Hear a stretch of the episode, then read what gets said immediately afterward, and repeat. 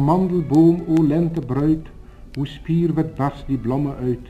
Die takke weeg nou vlok op vlok, met haalwit sterre toekapok. Nog al die ander bome wag op stil invloeiing van die krag, wat uit die grond se donker hart beur na die takke kaal en swart. En in die dooie omgewing kleur jy rein en wit.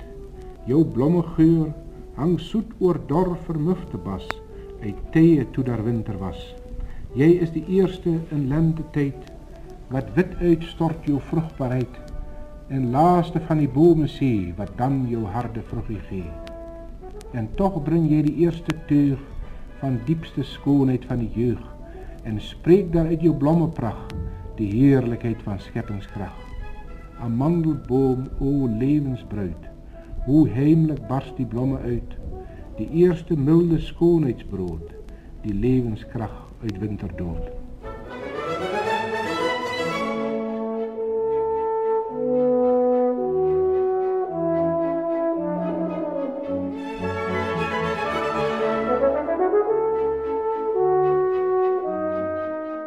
Christian Maurits van den Heever is op 27 Januarie 1902 in die konsentrasiekamp by Norwalspont gebore. Dit was kort voor die einde van die Anglo-Boereoorlog. Hy het in die Vrystaat skool gegaan en later in Bloemfontein studeer. Na 'n kort loopbaan as onderwyser en joernalis is hy na Utrecht vir verdere studie. In 1933 is hy aangestel as hoogleraar in Afrikaanse en Nederlandse letterkunde aan die Universiteit van die Witwatersrand. Hy het die pos beklee tot met sy dood in 1957. Van den Heever het vroeg in sy lewe begin skryf. Hier vertel hy in 'n SAK onderhoud van 1950 meer oor daardie beginjare. Nou ja, professor, om sommer met die deur in die huis te val. En wanneer het u vir die eerste keer u aandag aan letterkundige skryfwerk begin gee? Ek sou sê dat dit daar aan die begin van die 20er jare was. Ek het vroeër reeds die een en ander kleinigheid geskrywe en alhoewel dit in tydskrifte opgeneem is, kan 'n mens nie sê dat dit enige letterkundige waarde besit het nie. Eers toe ek student aan die destydse Grey Universiteitscollege geword het, het ek al meer in letterkunde begin belangstel. Daar was twee hoogleraars wie my veral gehelp het om in die rigting te ontwikkel. En hulle was professor A Franken wat hoogleraar in Nederlands was en professor D.F. Nalerbe die hoogleraar in Afrikaans. Professor Franken was die nauwgezette, degelijke Hollandse geleerde, wat mij in die schoonheid van die Nederlandse letterkunde ingeleerd. Professor Malerbe's lezing zet ons destijds sterk geboeid. Hij was dichterlijk en welsprekend. Hij heeft mij bewust gemaakt van die schoonheid van onze eigen taal en van die onvervangbare kracht van die scheppende persoonlijkheid. Zo had het gekomen dat ik zelf begin gedichten te schrijven wat in 1926 as die bundel stemmingsure verskyn het. Daarna verskyn verskeie digbundels uit van den Heever se pen, insluitend die nuwe boord in 1928 waarvoor hy met die Hertzogprys bekroon word en Aardse vlam in 1938, versamelde gedigte in 1950 en 100 sonette in 1955. Hier is Chris van Niekerk van den Heever se gedig Agter tralies. Agter bloedbesmeurde tralies lê sy kop op sterk kloue. En in sy oë brand 'n geelgroen vlam. Sy vel roer bewerig en in sy nek is vreeslike kragte opgedam. Want in hom is die swarte vlae van die drif wat alles wil verskeur omdat hy so verneder is. In al sy kloue klem die krag en in sy senings wag daar 'n geveerde ratsheid vir die dodelike sprong. Maar voor sy oë hang die donker repe van die tralies.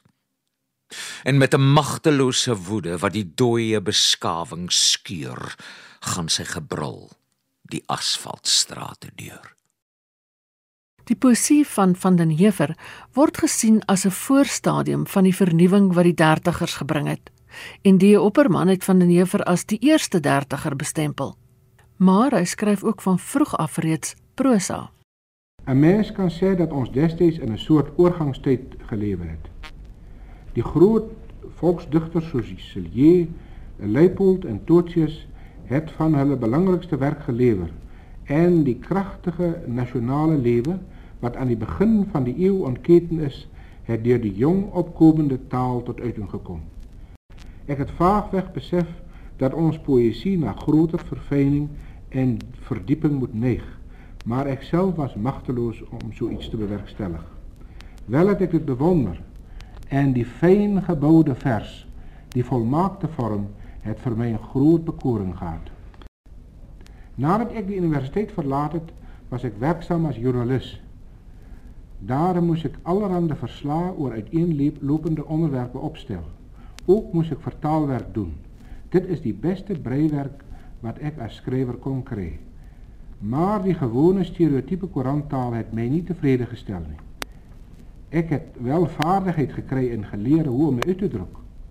Maar in mijn ziel heb ik verlang naar die oorspronkelijke levende taal, naar die fris beeld zoals ik dit zo dikwijls op die plaats gehoord heb, na die natuur en die natuurmens wat vir my so na aan daardie soort taal gestaan het. En so het dit gekom dat ek tussen die stereotype koerantberigte my toevlug geneem het na stukkies prosa oor die plaaslewe. In van den Heever se prosa oeuvre word van die beste voorbeelde van die plaasroman aangetref. Sy eerste novelle heet Op die plaas en het in 1927 verskyn. Daarna het verskeie romans gevolg waarvan Somer wat in 1935 verskyn het, een van die bekendstes is. Hier volg 'n uittreksel uit die verwerking tot radio vervolgverhaal. Die verwerking is gedoen deur Per Maree en Susan van Wyk was die regisseur.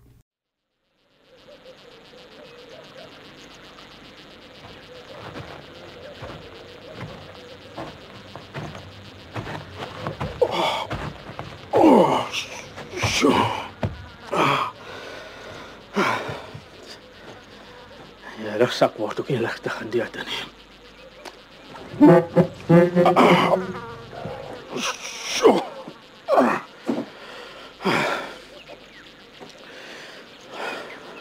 Dankie tog vir die koeltjie.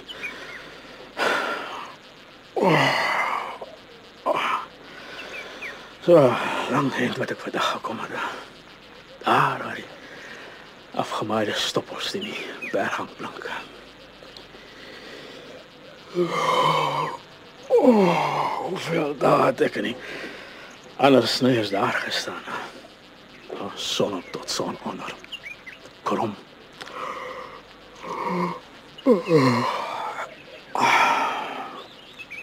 Oh, nou. Ja, dat Dan verder.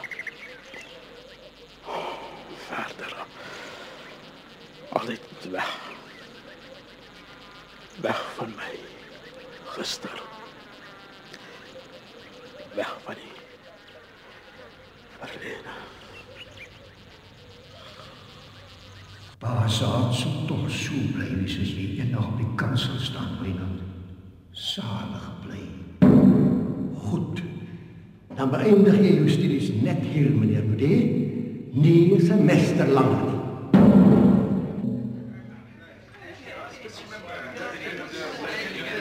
Nog 'n ronde manne.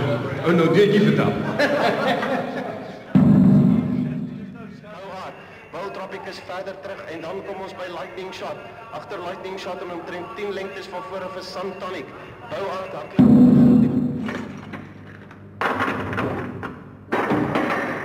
En toe. Daar gaan die 5-jarige oom.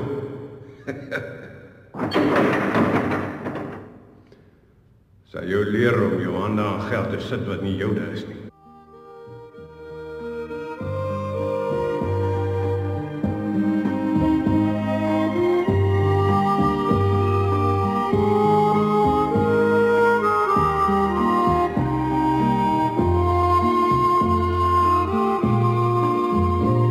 So begin ons nuwe vervolgverhaal, 'n aanpassing vir die radio van Somer deur Seun van den Heever.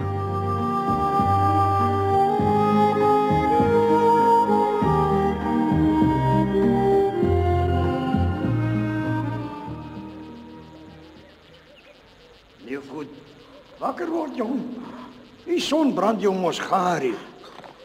Apro maar hy slaap en of hy klaar dood is. Eh, Daar is nog uh, daarom asem oas toe. Nee. Hey, ek sê, wakker word nou seun man. Hæ?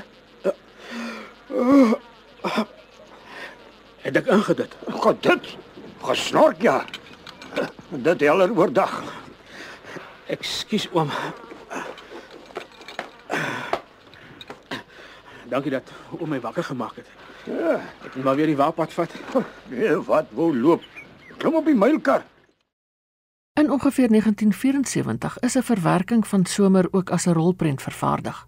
Die verwerking is deur Andre P Brink gedoen wat die roman as een van die klassieke werke in Afrikaans beskou het.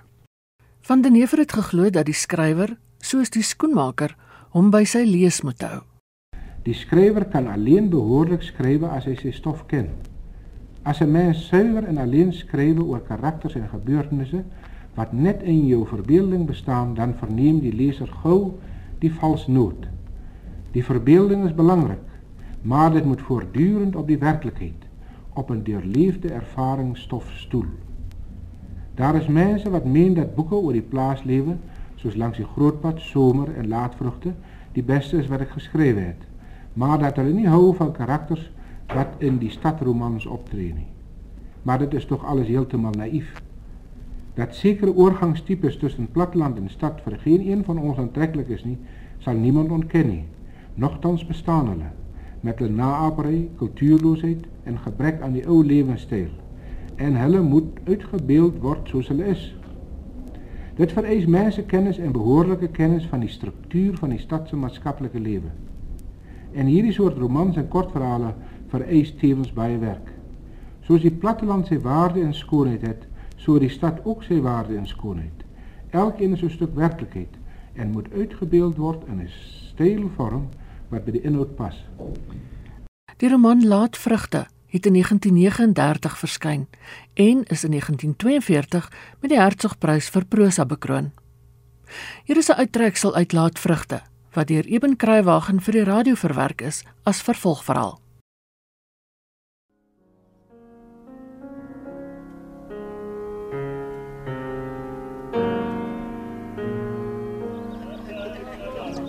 Kom en dan kom. Moenie wag tot môre nie. Maar pa, gee my net 'n kans. Ek maak dit my broekspyp reg. Broekspyp. Jy moes die ding sonder 'n handperd gery het. In my dae word Ja, ek weet was pa bang vir niks nie. Ek weet. Ek is ook nie. Wees tog versigtig, seun. Als reg, ma. Hou klein meneer. Klein. Laat meneer seer gekry. Nee, ek's reg, dankie. En wat is dit die keer nou? Moet ons vir jou nog 'n makperd aan die ander kant ook vasmaak? Dis 'n uitgevete der duiwel die pa. Kan mens kan moontlik as hy so aangaan nie. Kom. Sy brand, is dit nie nou genoeg nie, my man? Stil Betta. Kom hier nou. Hoe julle smoele.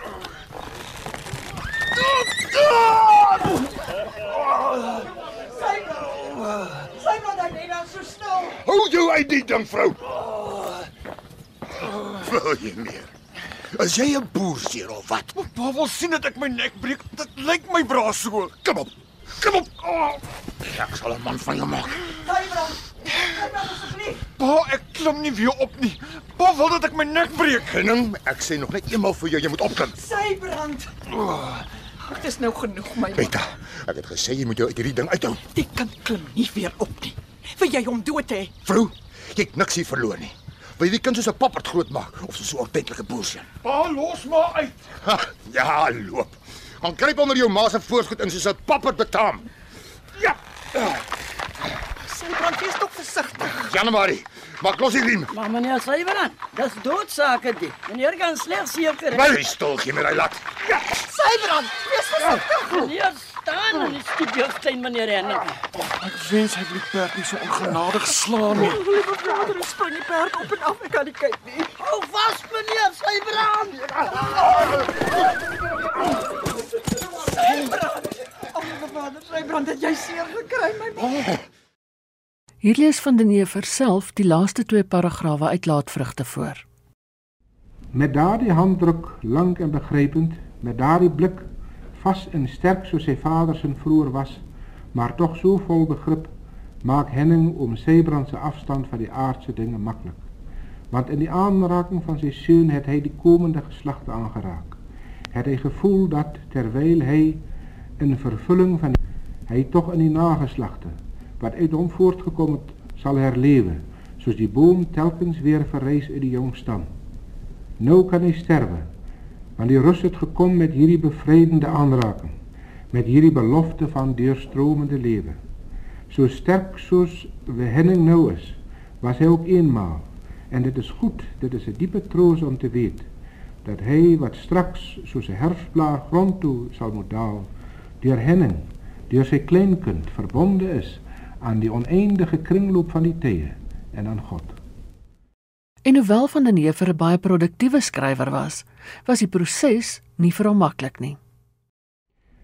Nee, ek vind dit nie maklik nie. Ek verneem van ander dat skrywe vir hulle so 'n genot is en dat hulle baie bladsye op 'n dag kan skryf. Dit dit kan ek nie doen nie. Skrywe is vir my swaar werk en tog voel ek my gedwonge om te skryf. Ek vind dat 'n mens nie meer as 2 folio bladsye op 'n dag moet skryf nie. Maar je moet gereeld schrijven, elke dag als het kan. Dit is natuurlijk onzin om te praten eh, dat jij wacht op die inspiratie.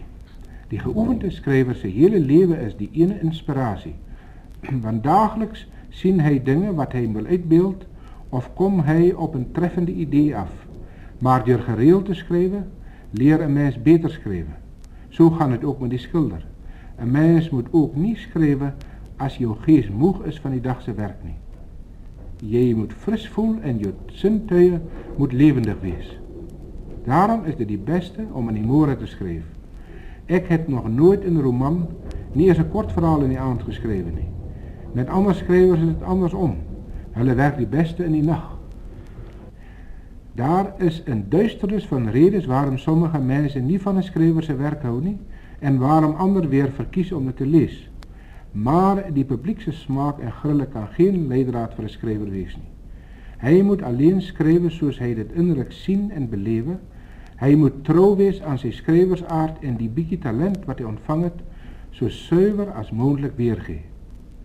Als mensen wat houden van lichte leestof, ze werken te ernstig of zelfs te zwaarmoedig vindt, dan moet hij hem maar daarbij neerleggen. Hulle het le smaak en hij het zijn eigen neigen. Elk diertje zijn pleziertje, zei die spreekwoord. Al deerstadig maar gereeld te werk heb ik al reeds heel wat geschreven. Tot dusver heb ik ooit die dertig boeken geschreven. Van tijd tot tijd heb ik kortverhalen voor tijdschriften gereed gemaakt en een meisjes is inderdaad verbaasd als jullie uiteindelijk allemaal in boekvorm zien. Ik meen dat die boek waaraan ik de langste gewerkt heb, die levensgeschiedenis van genale Herzog was. Ik heb zo wat acht jaar daarin gewerkt. Bij het schrijven van romans en kortverhalen krijgt mens natuurlijk een gedachte. Maar het is eerst als je begint schrijven dat het vormvat. Een karakter ontwikkelt terwijl je schrijven, dikwijls helemaal anders als wat je bedoelt. Die moeilijkste van een roman is de eerste helft.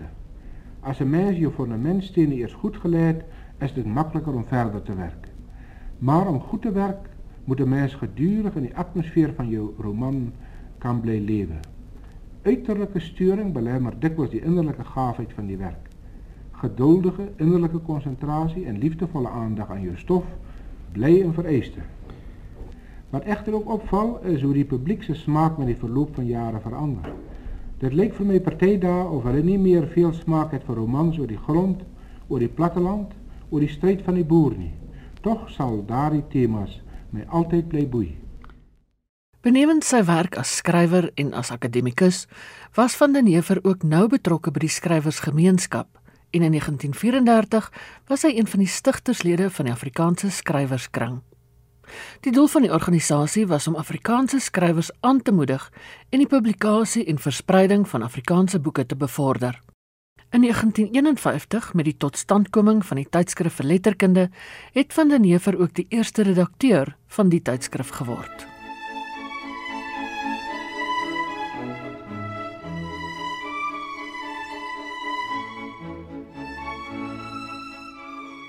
Van den Heever is op 8 Julie 1957 op 55 jarige ouderdom oorlede. Een van sy kollegas, Abel Kutse, het so aan hom hulde gebring. Gebore in 'n konsentrasiekamp op 27 Februarie 1902, sou Christian Maurits van den Heever aan 'n geslag mense behoort wat telke male die ondergang van eie volk en kultuur van aangesig tot aangesig gesien dreig het. Kinders van die oorlog het hulle nogtans nie langs die pad in die as gaan nie, maar met onverwoestbare ywer deur eie arbeid en inspanning die ondergang van hulle soort bekamp. Na 'n skool en universiteitsloopbaan in Bloemfontein in Nederland, het dit vir wat aanvanklik as joernalis werksaam was, gou duidelik geword waar sy roeping lê in diens van sy volk. Hy sou dien met die woord, hoofsaaklik die geskrewe woord van die veelsidige kunstenaar wat te midde van die drukte van sy amp die tyd kon uitspaar en vir 'n mens se leeftyd feitelik elke jaar minstens een boek aan sy omvangrike leserskring geskink het. Hy het hartstogtelik geglo dat die Afrikaanse taal en kultuur maar op een manier beveilig en bestendig kon word, naamlik deur middel van aansien en waardigheid wat verkry moes word deur 'n gesonde en bloeiende letterkunde.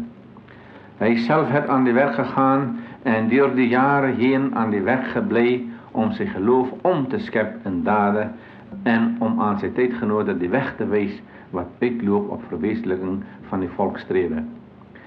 In zijn tijd en onder zijn landgenoten was Christian Moritz een van de grootste vrienden en een van de arbeidzaamste everaars in belang van die Dietse boek in de ruimste zin van die woord. In hierdie opzicht was hij nog kunstenaar van de oudsoort. Dit was hij die kunstenaar wat verstaan het als geroepene in dienst van zijn volk. Niet net als kunstenaar niet, maar als volksman, die zogenoemde dichterprofeet. Zijn leven lang had hij een levendige belangstelling gehad in de lotgevallen van zijn volk, in hun cultuur, in hun geestenstromingen en de tekens van ziekte of van groei wat hij het. Als lid van een jong, klein volk het is instinctmatig aangevoel dat ons strijd een strijd is om aanzien te verwerven in ons eigen oor en in de oor van die buitenwereld. En de beste manier om dit te bereiken was voor hem die nastreef en verkrijging van eeuwig.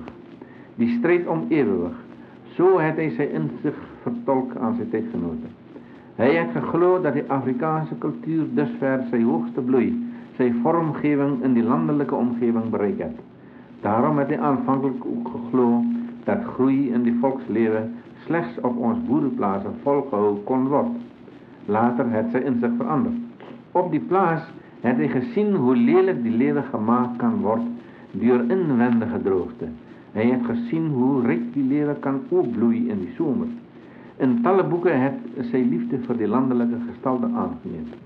Maar gaandeweg had hij beseft dat niet de uiterlijke omstandigheden een mens een volk of een cultuur groot niet, maar die innerlijke gestemdheid. In talle romans, novelles en kortverhalen het deze mensen beschreef in de aanpassing bij die nieuwe, die stadsomgeving. Met diepe inzicht en liefde het hij uitgebeeld en gekastei en die eeuwige les verkondigd. Slechts in de kennis van jezelf en in de overwinning van je zwakheden leidt de mogelijkheden van grootheid. Slechts door jezelf te overwinnen word je een held. Die onmenslikheid van mens teenoor mens, die verbreeking van die sedewette van naaste liefde, die verbreeking van die ewigheidsverband deur die mens as gevolg van hebsug, jaloesie, grootdoenery, onbegrip. Dit was die lelike dinge wat hy telkens weer uitgebeeld het, want hy was idealis wat soms tot rasende toe verbitter kon word oor die illusie van die lewe. In 1959, 2 jaar na sy dood, het DF Malherbe die huldigingsrede gelewer toe die skrywerskring 'n gedenksteen vir Van den Heever opgerig het. Hy was 'n beskeie en 'n nederige mens. Dit blyk daaruit dat hy nooit na poste gejaag het nie. En dat hy nie een van die strewers was wat met diplomatie en met beplanning probeer sorg dat hulle iets kan bereik in die wêreld nie. En dan ongelukkig is omdat as hulle iets bereik het, die bereikte tog maar weer 'n leë dop in hulle is. 'n Ander bewys is wat ek nou persoonlik bygewoon het is dat ons herhaaldelik jaar na jaar bij hem moest aandringen dat hij die voorzitterschap van die schrijverskring toch moet continueren. Zo vindt ons dat die man niet net in hierdie opzicht, maar ook daarin dat hij een man was met diep innerlijke cultuur, met een diep menselijke eh, gevoeligheid, minzaam, uh verdraagsaam wat sy lewe gestel het en gerig het tot veredeling van sy naaste. Hy het die eensaamheid gesoek. Liewer in sy studeerkamer as op die verhoog. Daar is dikwels besware gekom teen die werk van 'n ewer. Daar is gesê dat daar 'n al te veel deurlopende sombere toon in sy werk is. Dit mag gekom het van diegene wat soos die porselein gras op die uiterste oppervlakte woon en daarmee tevrede is. Hy was 'n man van behoudende krag. En hy het hom beywer vir die goeie boek.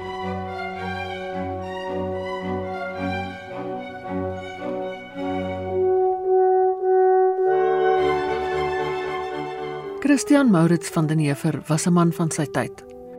Veral sy prosa gee belangrike insigte oor die tydsgees waarin dit geskryf is en sy oeuvre kan as 'n belangrike tydsdokument van die Afrikaanse letterkunde van die eerste helfte van die 20ste eeu gesien word.